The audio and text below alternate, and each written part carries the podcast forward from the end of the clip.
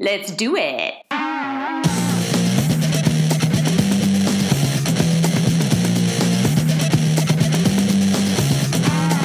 Welcome to the Women Inspired Podcast. I'm your host, April Seifert. There is nothing more powerful than a woman who is inspired to action, and that's my number one goal to inspire you, my listeners, to take action in your lives. Each week, I get to interview some of the most inspiring women, and I'm bringing those interviews to you. Let's do it. Oh my gosh, I am so, so, so, so, so excited for this week's interview. This week, you are going to meet a powerhouse of a woman. She is just incredible. Think about it this way this woman has been to Sheryl Sandberg's house twice. Linda Brandt promotes worksite wellness as a part of a team at Hennepin County Public Health Promotion. In her role, she supports healthy organizational cultures through sharing low and no cost resources. In her free time, she founded and co manages a growing chapter of Lean In circles inspired by Sheryl Sandberg's book, Lean In. Her groups have grown from about 12 people almost four years ago to over 2,100 currently. Well, I would love to welcome Linda Brandt to the podcast. Welcome, Linda. Thank you. It is so, so, so good to have you here because I have been following your work for quite a while. And as I put together the list of people who I wanted to interview for this podcast, you were very high up on that list. So this is a really exciting day for me. I'm really pumped. So, Thank you. Yeah. So I gave everybody a little bit of a bio about you, but I'd love to hear about you, your background, who you are in your own words. Sure. I am from Minnesota. I lots of people mistake me as from someplace else because I'm pretty direct. I feel very much at home in New York City. I love um, getting right to the point with people, love to say what's really important, what's really going on, what are you thinking about. And I am a middle child in the middle generation. So I'm an Xer in, in a middle child with an older brother and a younger brother. And I grew up with two parents. My mom was a family child care provider. So basically 10 kids at most, wow. plus my two brothers in my home on a typical day. She's a superhero. she taught me that you can do a lot. I think of her as someone who can move refrigerators. Absolutely. Like you don't need help to move a refrigerator, and what I learned from her. But I also, on the other side, got a big dose of scarcity from her. So I, I grew up knowing that your vision could get you get tunnel vision if you're afraid of not having enough. So that has also been a pretty big marker from my early life was powerful female um, leader in my family. My dad was an employment counselor, which there's some overlap with my current job, which I have to sort of eat my hat or, or kind of eat crow around because I used to look down on people who did their parents' jobs. But now we get older and get wiser. So I also grew up with a big love of animals. So my mom had made sure that we always had animals around, two litters of puppies. And I thought at some point I might become a veterinarian, but I, am really practical. And so it's, it's really not surprising that I end up in public health because that's trying to get everybody healthier so that they can do cool things with their lives. Nice. Very cool. How long have you been in public health? Um, I've worked at Hennepin County doing worksite health promotion for 10 years. Nice. So oh, about that amount before I got my graduate degree at, here at the University of Minnesota. Nice. It's super important work. I mean, um, I having having a little bit of a background in the healthcare space as well. Um, see a lot of um, just a lot of things that you can you can do to help improve population health and help people make real, I guess, feelable changes in their lives. It's a really cool set of work. So I yes, actually very passionate about. Mm-hmm. I actually found you from your work with the Lean In organization. Can you tell me a little bit about that and just about how you got started with that work? Yes. Uh, I didn't come to this work kind of, you know, just out of nowhere. I was leading a women's support group for six years as part of a peer counseling community. And so I knew that this was really important that women get together in groups and share what they're thinking, how it's going in life, what they're passionate about. And at some point, my assistant moved as one is want to do, one's one's well supported and things are going well. Went off, went, traveled abroad, and the group fell apart. And I was hosting a mom support group at my house, and I was just thinking, where is my group? And I remembered that lean in was an idea that that captured my imagination earlier. Actually, Sheryl Sandberg, the COO of Facebook, gave a commencement speech at Barnard College. And I really was struck by what she said. In particular, she said, Don't leave before you leave. And what I heard from that was, Don't settle. Mm-hmm.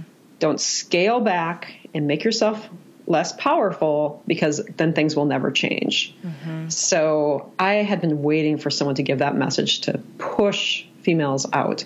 And I want to be really clear that that lean in is for women to pursue their ambitions, but actually it's also for anyone who wants to see women go after their ambitions. So it didn't wasn't done perfectly, thank goodness, because that's not great for women to try to do things perfectly. but it should have included men a little more upfront. So mm-hmm. lean into lean in together. Minneapolis St. Paul has always known that it was welcoming to men.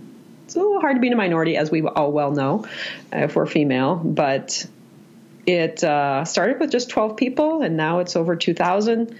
And it's been life changing and amazing, and just thoroughly uh, passion and a calling and a source of satisfaction in my life for the last to about four years. That has Incre- to it's feel so good. It has to feel so good to spend your time and put your energy behind a cause that feels so authentic and important.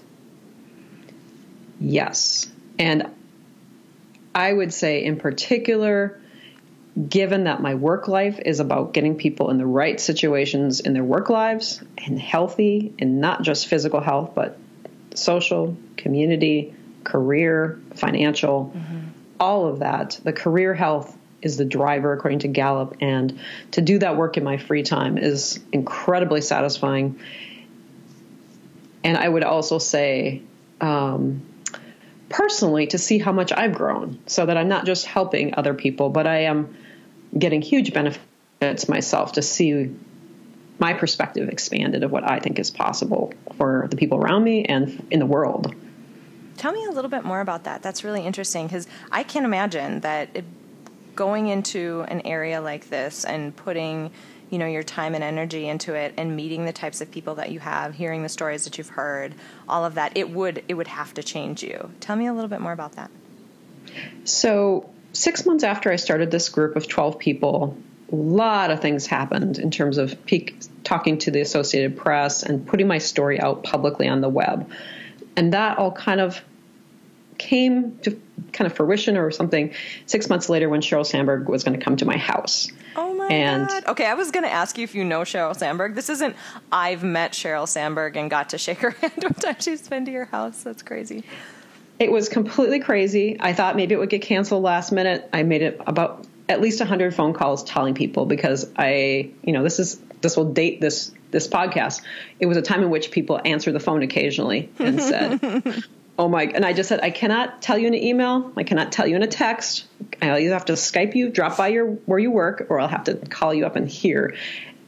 That this is happening. And partly because I had put my story out there and had been vulnerable in a way that I had not typically been, and let people know that my house was important to me. So the key part of the story is when Sheryl came, she was here for the Grace Hopper conference, which meant, which I would want everyone who's at all related to women in computing to know about this conference. It seems like it really changes a lot of lives. So she was here for that conference. She wanted her group, she wanted to recognize circles, that these are often in people's homes and so, come to Linda's home. She wants to build community. That happened. And a woman in that, in my original circle, said, I see you in Sheryl's living room. And I thought, well, no way in heck, because she's here for a conference. This is her this is her media tour. That's you know, that makes sense. She's it's a venue, she's here. That's all well and good. But I will never be in her living room. Right. So a year later, when I was in her living room, I said to myself, This is why you expand your circle so that people can say things to you like, hey, I see you in an impossible situation. And then when I was in her living room again this summer, so for the second time, and she clearly is using her power for good and wanted people to know that we have a special relationship. She just knows, okay, I can change Linda's life by letting people know she's not just anybody. My her late husband is from Minneapolis, Dave Goldberg. So she has a special place for Minneapolis St. Paul and she also has a special place for us because we've collaborated with the military circle and that we have been helpful to the Lean In Foundation. We have gone out of our way to be the Midwesterners that we all want to be friendly, hospitable, generous. Mm-hmm. And um, I have played a really key role in an international Lean In leaders movement. And that is not something I ever thought would happen.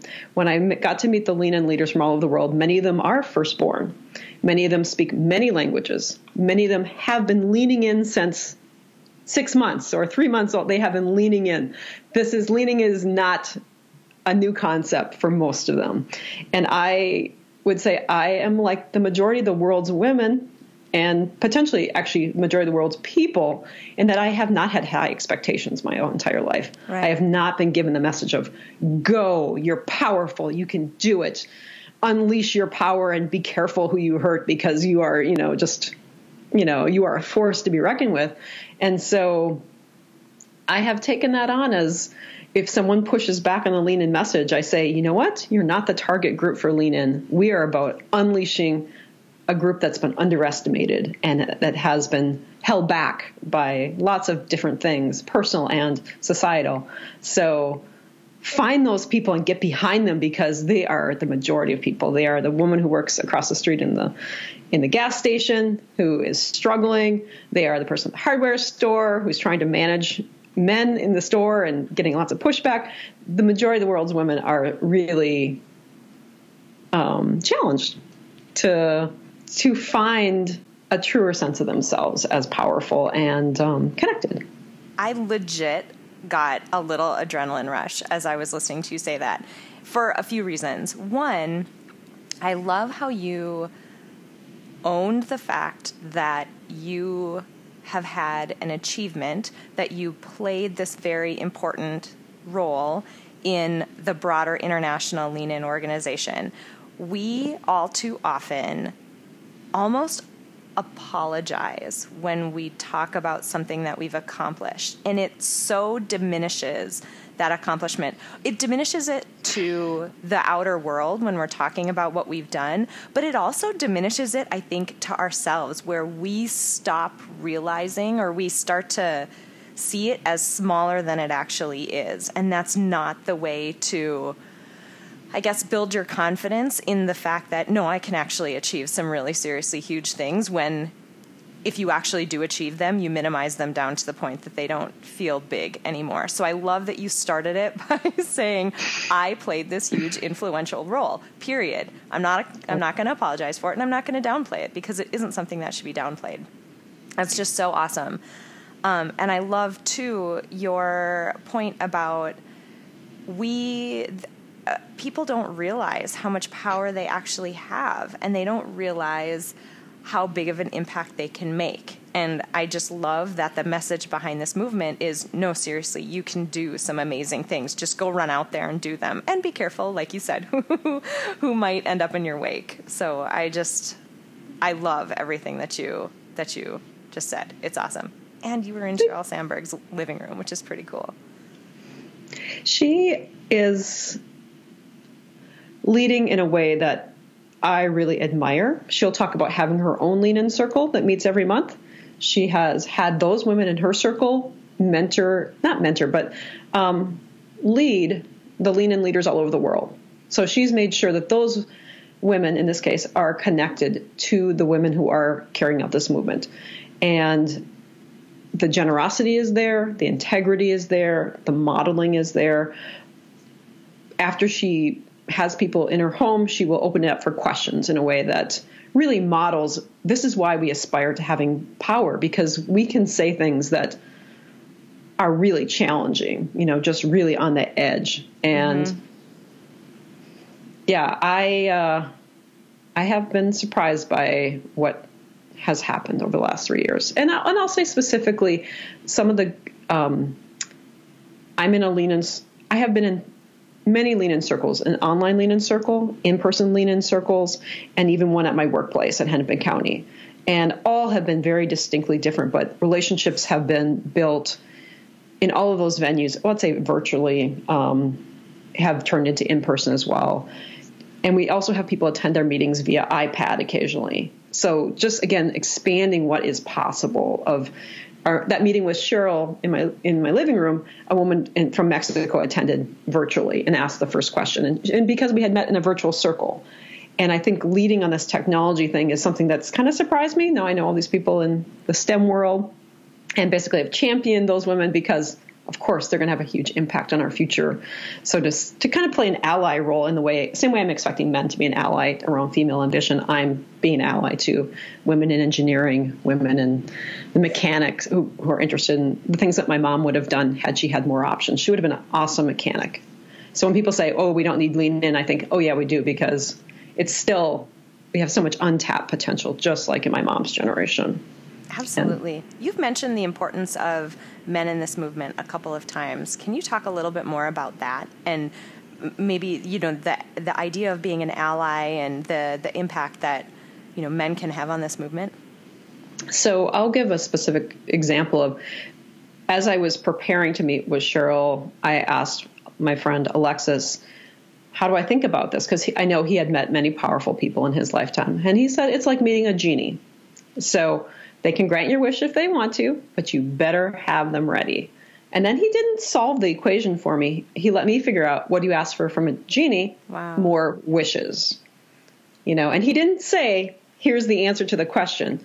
I had to come up with on my own. And then my friend Evelyn in North Dakota, who's a house cleaner, she said, then you better start writing reports. If you're going to build a relationship and get more wishes, start writing reports. So he had a perspective outside, an life experience outside my own. So he could say it's like meeting a genie, which I could then implement and run with that. But he also has said repeatedly, women take things too personally. And I have seen that over and over again. You know, you can imagine how much time and energy gets wasted with, oh my God, this person said this, and not directly confronting them. Um, so men often, when they come to lean in or when they offer their perspectives, or let's say, obviously, the Prime Minister of Canada is an awesome example, can say men have a role in this movement because we have a we have a stake in the society getting better, but we also don't get to do, do the nurturing and get the benefits of being close to young people, mm-hmm. how things are currently set up. And I would say Carol Carolyn Vrayman, uh, who started off the Lean In movement at Hennepin County, very strongly said We've got to have men at these meetings. I want to see us not just to have women run half our organizations, but men run half our homes. And if we don't have both pieces of that, she said, I'm not interested. Um, wow. So she put a stake in the ground for that. But I would say as well, the military women have said, we will not replicate what happened to us. We will do things differently. We in the military we have very traditional men and very untraditional women. So we know how the the stereotypes and how the bias around gender holds everybody back, men and women in particular. So I think a lot of us have room to grow on that. We still think of women, the women's issues as women's issues versus all of our issues. We still think of caregiving and the things that we think are um, inherently female versus actually there is nothing that needs to hold us back about our biology. So we, I think we have, it's a big room for us to to grow, to move and to grow. And the Lean In website has resources under Lean In Together, which is actually how we started off. So we were a little ahead of the curve on that one. So Lean In Together, it. everybody. I love it. That's so cool. That's actually the work.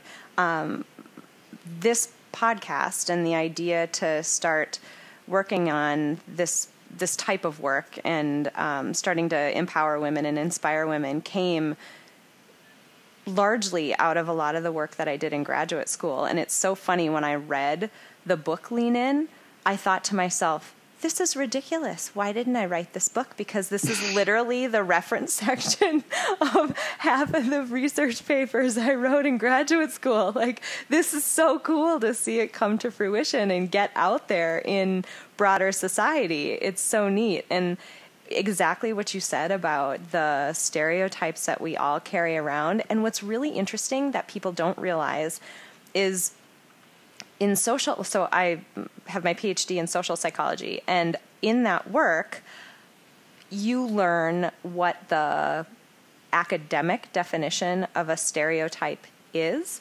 and really all it is is your think reptilian brain learning from the environment around you so people sometimes have this misconception that women can't have stereotypes about women and men can't have stereotypes about men. No, we all, our reptilian brains were. Um, they're incredibly adaptive and they learn incredibly quickly and they learn associations from the world around us. And because we all grow up in a certain um, set of circumstances in a certain culture, we all kind of get the same set of stereotypes. So yeah, there's a lot of um, there's a there's a role that both men and women play in keeping the status quo the way that it is, and um, I think there's there's room at that table for everybody to get together and have that conversation. And I think too when when you have women in positions where they have influence and authority and power, they have a broader perspective. So when I hear mm-hmm. Sheryl Sandberg say that all over the world, every culture men should lead, women should do for others. That means something different from me than someone who read it in a book, that it's common. Someone who actually has been out there in a bunch of different cultures and had experts telling her what is the main issue, what is the bias here, and then her basically saying, okay, I checked with everybody. This is really the key issue we are expected to do for others, and people do not like it when we lead.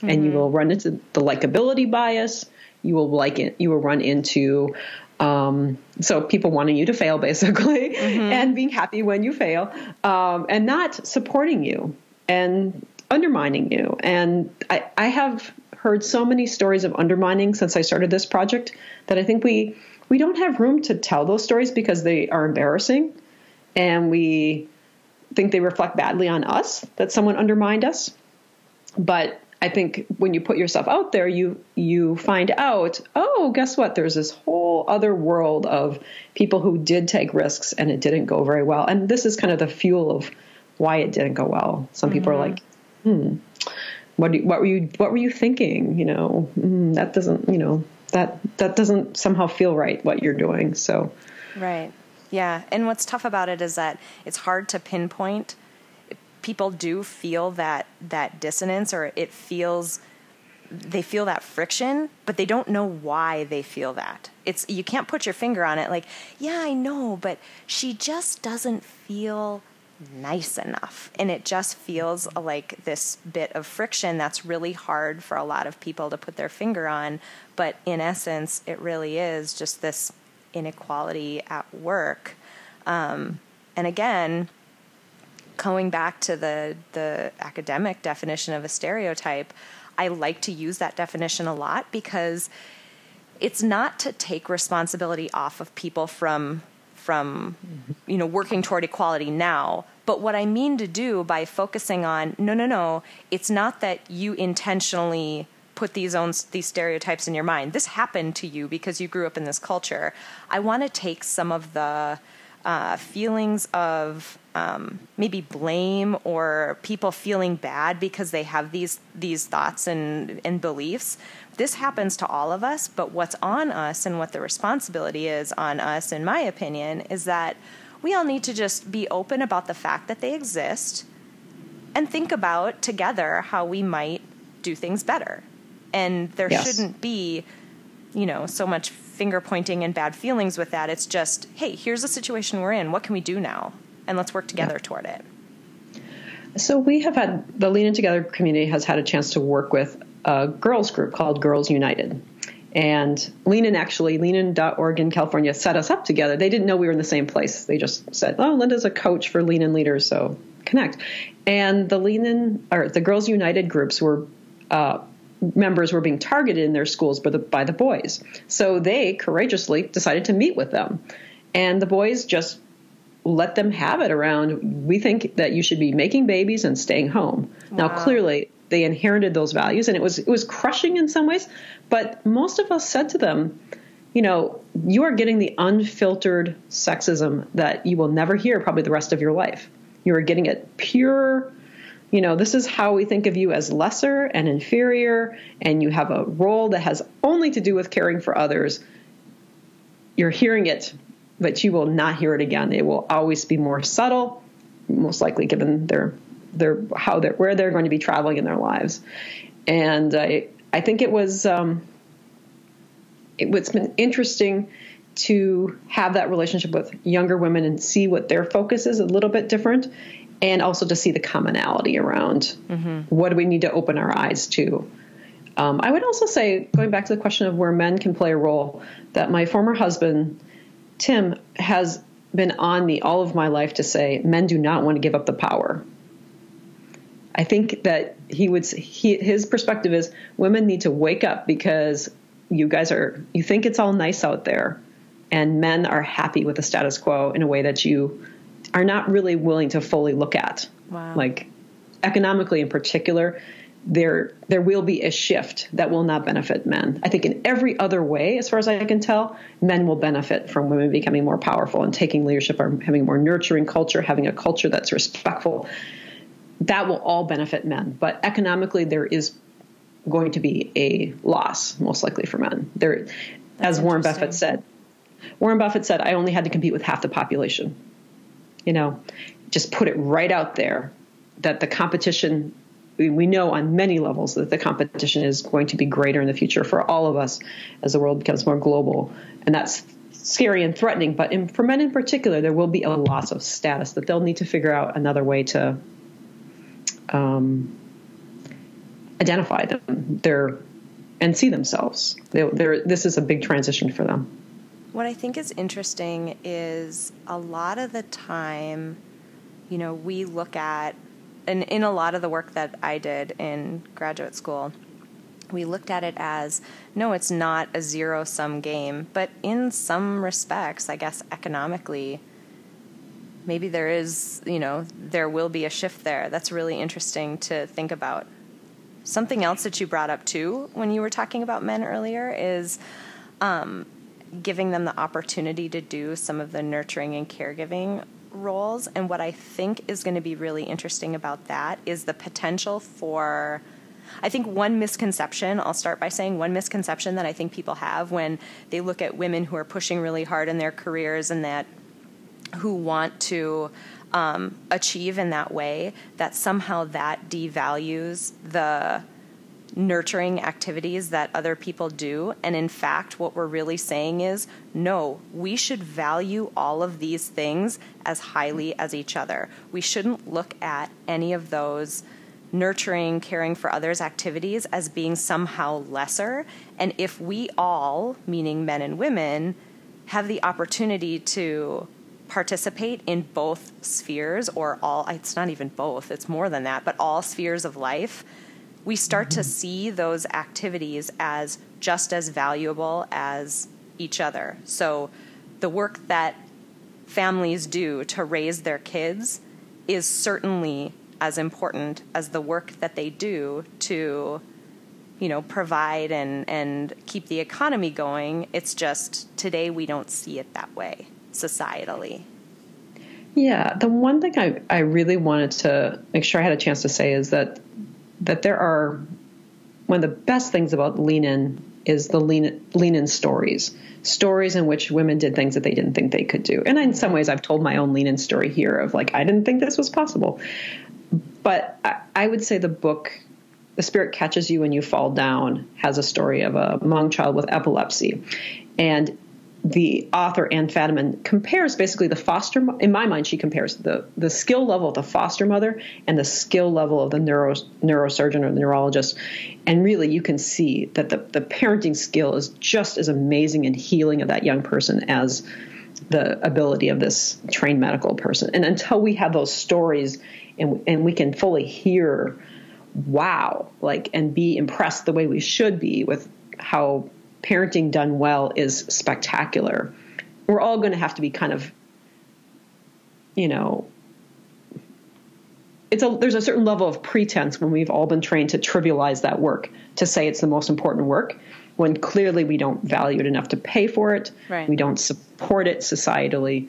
We don't have parental leave across the board. So we, we do not follow through on that. I think there's work to be done to not just claim that work as important, but help people come along. That this is actually really challenging. Developing human brains is amazing work, not just broken human brains, but normal human brains. Right. Yeah, it's it is. It's incredibly challenging and it's incredibly important. And when you put it in the context of the broader conversation we're having about, you know, equality and uh, how the opportunities that people are given, it becomes you start to see it as even more important how I talk to my daughter about what she can and can't achieve and how you know if I had a son how I talk to him about that. That becomes important because they're going to be leading companies someday and they're going to be the ones setting the policy and agenda of how you know culture works as they get older. So it becomes even more important that we talk to our kids about these things, and, and it just adds another layer to an already very complex job as a parent. Yeah, and I particularly have appreciated the the mothers who are leading lean in circles have told their stories of here's the son I here's the story I had with my son about menstruation. Here's the story I had with my son about double standards. Wow. I don't hear those stories in general in the culture. I'm really pleased to hear that there are people thinking about that of because I think our part in the difficulties that men have of expressing themselves and being vulnerable is a lot of women are still toughening up their boys because they don't feel strong themselves. Mm. And they're on some level, this is my own thinking, they are they are acting out on that I want someone to protect me, including my male child.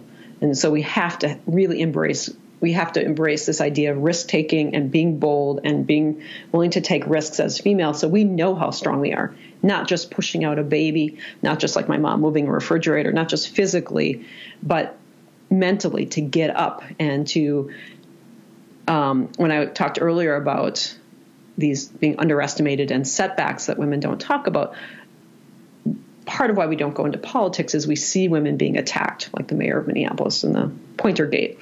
And we think, oh, no, no, I do not want to go. I don't want to put myself in that vulnerable situation like that. And we have to see, get up, move on, handle it. We need to, we need to see that it's possible to um, not look to others for, to protect us in a way that's more traditionally female. Right. Someone who is uh, who is slated to be interviewed for this podcast in a few weeks. Um, I'm not going to let the cat out of the bag and say who, but um, it's somebody who has a fairly wide reaching online presence. And one thing she talks about frequently is how tough it can be to read the comments that she gets on a lot of the content that she puts out there. And I, I think that's one of the things that we fear is we fear that there will be retribution somehow for us expressing our minds, even if it is. And I, as a as a you know former academic person, can give you evidence and peer-reviewed journal articles, and I can support my points like crazy. But even then, it still feels really scary to put those uh, put those views out there and make those claims and think that you might face that backlash. It is terrifying. Yep, and I, I constantly go back to the idea of thousands of people on their feet cheering for you and one person sitting down. Totally. And where does your mind go? Yep. Right there. Absolutely Evolution does. bias to danger, danger, danger, and, and that's just that is not just the female perfectionism and personalization. That is just bio. That's just hardwired in us. Fear of, oh my God, what's happening? That one person. Mm-hmm. So from the last, you know, four years of working with women in your lean in circles and other circles that you've visited and the international work that you've done with this organization, you've heard you've heard a lot from a lot of people. What are some things that we all who maybe haven't had that same exposure you know um, maybe it's the top two top three i don't know i'm not going to give you a number but like what are the what are the really important things that we need to be really watching for and on the lookout for as we move through our careers i would say majority of people who come to lean in are leaning into leaning in so they are looking to figure out what is it that I want to do with my life? Hmm. Now, that might be people in general, but I think when you are doing for others, you tend to forget what is it that I am passionate about? What is it that I want to own and make my stamp? It's the am- idea of ambition is having influence beyond your immediate family. So ambition is doesn't matter what you're doing on that on that small circle if you don't share it with a larger community.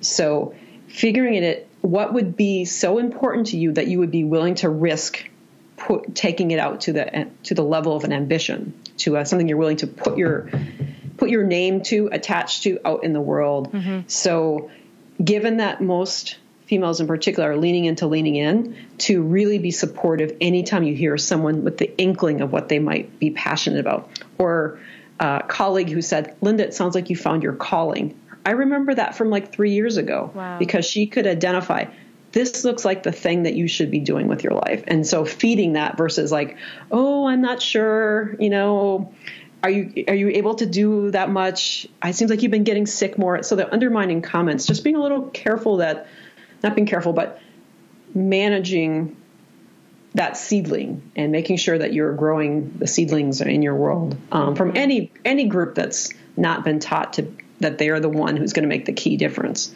So put it out there, stretch, you know, stretch what you might even think is possible. You're going to make a key contribution to this. So being encouraging and then also I would say right after that is the skill of negotiation comes up on our surveys as the number one thing that women are lacking. And all over the world, we hear that same thing, and the leaders in Lean In are saying all of life is a negotiation. So if you come to that with asking for crumbs because that's how you've been taught, or you just don't have the skill to ask for more than what you want, which is still a foreign concept to me. I would ask for more than, yeah, so that you can be talked down to what you would, you know, be so excited about. So, so negotiation is a skill that thank God for that woman. Um, women don't ask to put it out mm-hmm. there that it's not your fault. Role play it. Um, there's some funny commercials even around women talking to themselves in the bathrooms. So negotiation um, is going to help us free up our time and and get men to carry the load that's I mean that's just direct line. To, if you don't know how to negotiate, you're going to do more than your share. That's just how. That's like that's the piece where it's societal that you're not being supported, but you're also, like you said, not you're giving up your power by not saying what you really want, not knowing what you want, and not asking for it. So I guess know what you want, figure out how to ask for it, even if you do it badly. So I won't go to the perfectionism, but I would say I've been a step parent, but I haven't had my um, biological children, so I haven't gotten a chance to to see this played out. That, but I I believe it deep down that girls need to be pushed out and boys need to be held close. And if we could all think of that when we're dealing with men and women as well, push those women in your lives out and get those men to say, you know, I gave out these cards at the Y saying, um, "You matter." And the men were like broken down by it. The women are like, "Thank you, yeah, whatever." But the men don't get that message. So the even subtle ways of saying "you matter" to men go a long way. So mm-hmm. know what you want, figure out how to ask for it, and then I would say, thirdly, that whole risk taking, and that just hits so many issues of of of fall down, get scraped up, you know figure out ways to not fall back on addictions when, when things get hard, you know, like, cause you asked, um, one of the things I was thinking about in anticipation is what is keeping us from doing this plan? What it's individualism. It's not being a collective, but it's also unhealthy coping mechanisms. that you know you're not going to take risks if the way you pick your, yourself up is kind of taking yourself down at the same time. So mm-hmm. figure out how to how to take risks in a healthy way. Yeah, totally. With support with totally. other people. I think and on, share it. On the risk taking side, something that people focus on so much is, you know, um, if I if I try this, here's what might go wrong as a result of it. This is what might happen that is negative. And what I don't think we, and that's fine. I think, you know, weighing out the, you know, the potential path that something could take, that's totally fine. But we yep. leave out half of the equation, which is if you don't try it at all, what are you going to miss out on had you succeeded? So yeah. if you mention negotiation, if you go in and you talk to your boss about increasing your salary because you probably deserve to get paid more. I'm just going to tell everybody who's listening this, you probably deserve to get paid more. I'd go ask for a raise this year. Definitely do it. Um, but anyway, and if you do it, email me because I want to hear how it went and I want to be able to like celebrate your story. I think that's just so awesome. So anyway, if you don't, or you know, you think about if I go in and I ask for a salary increase and they say no, that's just going to be mortifying and devastating. But do you want to think about what you're going to miss out on? What if they would have said yes and you didn't even try? Mm-hmm. It's just you have to weigh both sides, and I don't think we do that very well. I I I love that we both got to go to graduate school, and so I learned the word counterfactual, like the thing that didn't happen. And it's like we need more discussion of not only opportunity cost, but counter. Like the, there are words for this. For those who have more options in the world, they know that there are trade offs. Like they have the language for, for that many of us are just getting familiar with. Like, oh, there's something called a trade off, and I'm making it every time I make a decision. And mm-hmm. You say so, yes to one thing, you're saying no to everything else. And if you say no to something, there's an implication for you not doing it. So you have to think about it. One plug that I'm going to put, I'm going to plug my own yeah. blog, which is totally cheesy, but I'm doing it anyway. Um, I love I your wrote blog. a post um, on careerkindling.com. If you go over there and look for the post I wrote about salary negotiation, it's more than just your paycheck. So if you need a little bit more motivation to go negotiate for a salary this year, because again, you're probably not making as much as you could be. Um, I would go over and check that out because there's so much more that hinges on just that one number of what your salary is. We're talking life insurance, we're talking 401k. I mean, so many things hinge on that number in addition to your take home pay. So please do that this year. If you're going to set a New Year's resolution, please do that this year. Go ask for more money because you deserve it. Yeah, and I, I, will. I will say to like, why was it a big deal that I was in Sheryl's living room? I'll go back to that because when someone asked her, someone asked an open questions about advice, she said, My best advice is on the Lean In website. I am not keeping it for you in my living room. Go to the Lean In website. That's awesome. Look look at the piece about how to ask how to negotiate from that communal perspective that people are looking for from women. That there are some unique challenges that you the likability bias will come back to hit you too if it looks like you're out for yourself as a female. You know, because of our stereotypes. So I love that we're all kind of putting our minds in the same place around it's unfair. Know that it's unfair, that it's an unequal playing field, but you can have more information. And like you, I love that I will take away from this conversation. You don't get, you know, everything you, every those shots that you didn't take, you don't get any of them. And, yep. and I love that you're so smart about money. I mean, that is the thing that I have been naive in my lifetime about is money. And I have met so many people in Lean In who know that money is important. We have to talk about it. I can tell that it's important for women to talk about sex, given that they're dealing with young people. But I'm learning to to realize it's just as important. We can talk about money and security and where do we get it from. So, Absolutely. and I'll say as well, the whole idea of knowing what you want and figuring out how to ask for it in this world right now of Kickstarters and GoFundMe people like me, Linda Brandt, are happy to support you with your Kickstarter. Yes. You just need to ask us. I mean, maybe I only give you $5 or $1 because I'm feeling really like I've been generous to other people. It still matters that you put it out there. And people just get so excited when you know what you want and you ask for it. Absolutely. So, looking yeah. ahead, what's your next goal? Lean in together locally took on that title because lean in sounds like more reinforcement of go out and do it yourself. And it's not. Ah. We are lean in with others by joining a circle, whether virtually or in person, or tell your friend in the military or your friend on the college campus. That together piece is essential. And over the last, let's say, four years, I have seen all of these separate groups doing work on negotiation, confidence, networking, whatever it is, but not collaborating. Hmm. And that is a big waste on a on a meta level of us learning from each other and sharing resources. So, a few of those people who have been organizing groups, Sally McGraw in particular, started the Midwest Feminist Brain Trust. Mm-hmm. So, we want to have a free place where those leaders, feminist leaders, men and women, come together and collaborate. And to me, it should have been done by the foundations here locally a long time ago. That's fine. They didn't figure that out, so we get to do it ourselves um, we need to have a place where we can come together and say, You're doing this cool thing. Did you know this? Or how can I support you? Or I know this person who can support what you're doing, or we have free space, or did you know this? Um, so the Midwest Feminist Brain Trust is an attempt to get more collaboration happening in that same direction to be part of a wider movement so that people don't need four years to figure out who are the other key players. Totally. I'll say, in particular, Minneapolis Mad Women and our group have done a lot of the same work.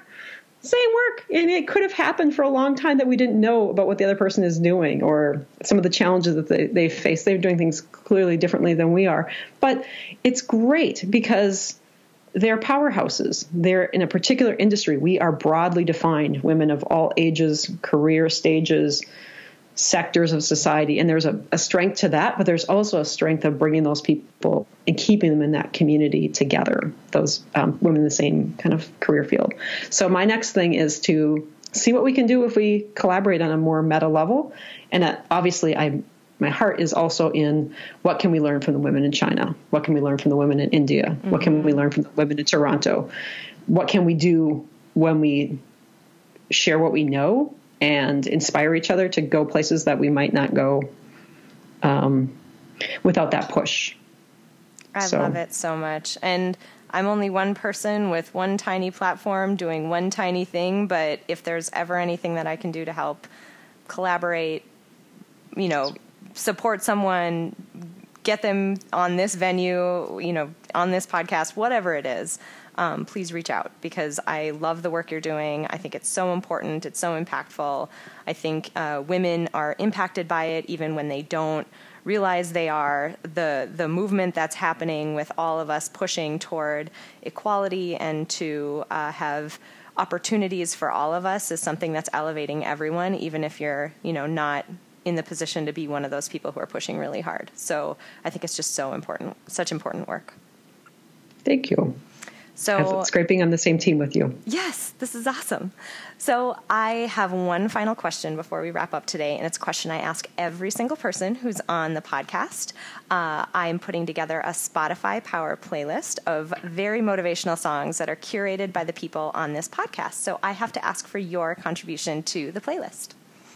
So, something that played a key role in my evolution from being a secretary at Temple Israel to being a public health worker was a middle journey of being a body pump instructor. Nice. And as someone who hadn't listened to a lot of music, it was a crash course in every type of music. the song Fighter by Christina Aguilera um, stands out for me as it got people feeling like bring it on whatever challenges that the society throws at me, people throw at me, I will just make me stronger. And I so it seems it. very appropriate for 2016 into 2017. I love it so much. That's awesome. I can't thank you enough for being here, for sharing your experiences, sharing your story, being open and vulnerable, and um, just being willing to come on and support this project that I'm working on. I'm hoping that these interviews and these episodes help inspire and, and drive other women to action. And I'm so, so, so excited to have had you as a guest. This has been great. Thank you. Ah, oh my gosh, I took so much away from my interview with Linda, and I really hope you got a lot out of it as well.